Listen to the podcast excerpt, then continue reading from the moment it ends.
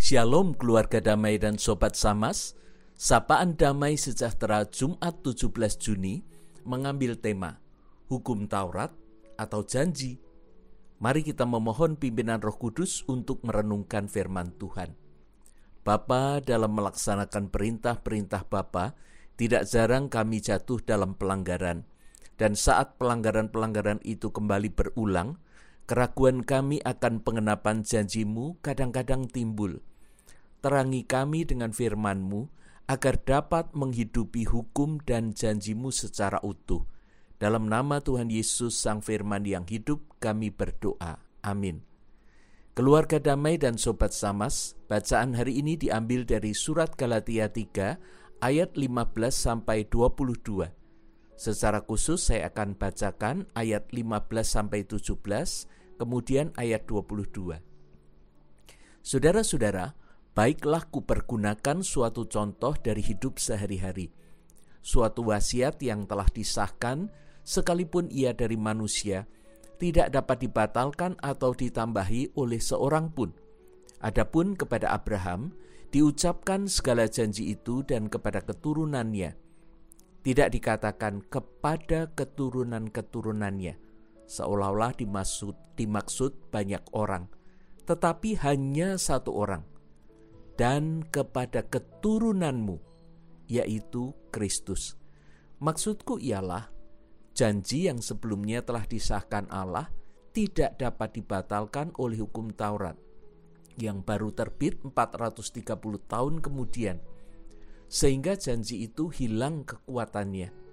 Tetapi kitab suci telah mengurung segala sesuatu di bawah kekuasaan dosa supaya oleh karena iman dalam Yesus Kristus janji itu diberikan kepada mereka yang percaya. Saat kita diperhadapkan dengan hukum Taurat, maka segera nampak betapa banyaknya pelanggaran-pelanggaran yang telah kita lakukan. Tidak jarang keadaan ini membuat kita menjadi frustrasi. Masih bisakah kita mengalami penggenapan janji Tuhan? Maka janji keselamatan itu seolah menjadi semakin jauh, bahkan tidak terjangkau lagi oleh kita. Jadi sebenarnya kita ini harus megang yang mana? Hukum Taurat atau janji? Mari kita perhatikan pertama-tama tentang janji. Paulus menggunakan istilah wasiat untuk menjelaskan apa yang dibuat Allah kepada manusia. Wasiat ini dibuat hanya oleh satu pihak kepada pihak lain. Wasiat yang sudah disahkan tidak bisa dibatalkan oleh siapa pun Wasiat yang dimaksud Paulus adalah perjanjian yang dibuat Allah kepada Abraham dan keturunannya. Yang dimaksud di sini hanya satu orang, yaitu Kristus. Abraham dan keturunannya akan menerima keselamatan melalui iman kepada Kristus. Jadi Allah berjanji dan manusia menerima. Abraham sebagai penerima janji ini, maka dia menerima janji itu melalui iman dengan penjelasan ini kita memahami bahwa janji yang dibuat Allah kepada manusia sudah ada sejak zaman Abraham. Kemudian kita akan membandingkan waktu pemberian janji ini dengan waktu ketika Tuhan memberikan hukum Taurat kepada Musa. Angka 430 tahun itu menunjuk pada lamanya waktu orang Israel diam di Mesir. Kita bisa melihat keterangan ini dari kitab Keluaran 12 ayat 40. Jadi hukum Taurat diberikan setelah orang Israel mengalami pengenapan janji Tuhan yaitu pembebasan dari Mesir. Hal ini menunjukkan setelah umat Allah dibebaskan diperlukan adanya hukum agar manusia tidak menjadi liar dalam kebebasannya dan jatuh kepada rupa-rupa pelanggaran. Hukum Taurat ditambahkan karena banyaknya pelanggaran. Hukum Taurat diperkenalkan untuk menyadarkan dan menunjukkan keberdosaan kita.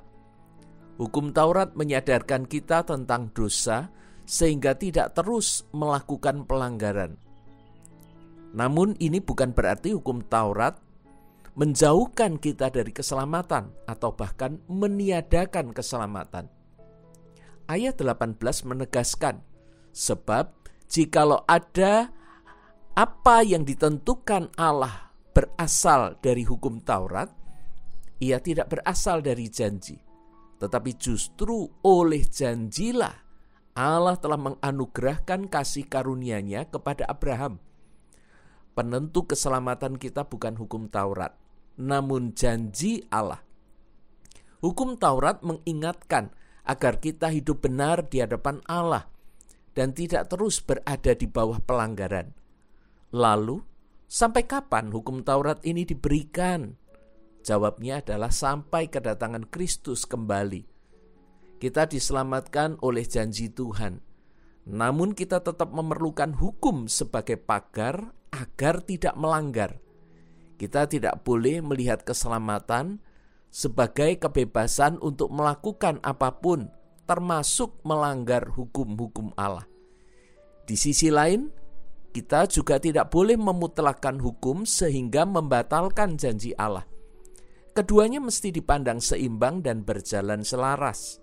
Dengan demikian, maka iman kepada Kristus akan membawa kita kepada keselamatan Hidup kita telah diperdamaikan dengan Allah melalui pengorbanan Kristus. Berdamai dengan Allah menunjukkan sebuah pola hidup yang baru, bukan lagi hidup dalam pelanggaran yang akan kembali membangkitkan murka Allah, melainkan menjalankan hukum dengan cara pandang yang baru, yaitu taat dengan dasar kasih kepada Allah seperti Kristus yang mengajarkan hukum kasih sebagai cara pandang baru dalam menjalankan sepuluh hukum. Mari kita menaati hukum-hukum Allah dengan penuh sukacita, sehingga karya kita di dalam dunia ini menjadi nyata bagi kemuliaan Allah. Mari kita memohon Roh Kudus untuk meneguhkan tekad kita. Kita berdoa. Bapa yang penuh kasih, kami ingin menghidupi anugerah keselamatanmu dalam iman dan kasih yang utuh. Kiranya cara pandang Kristus memandu kami melangkah dengan benar. Dalam nama Yesus kami berdoa. Amin.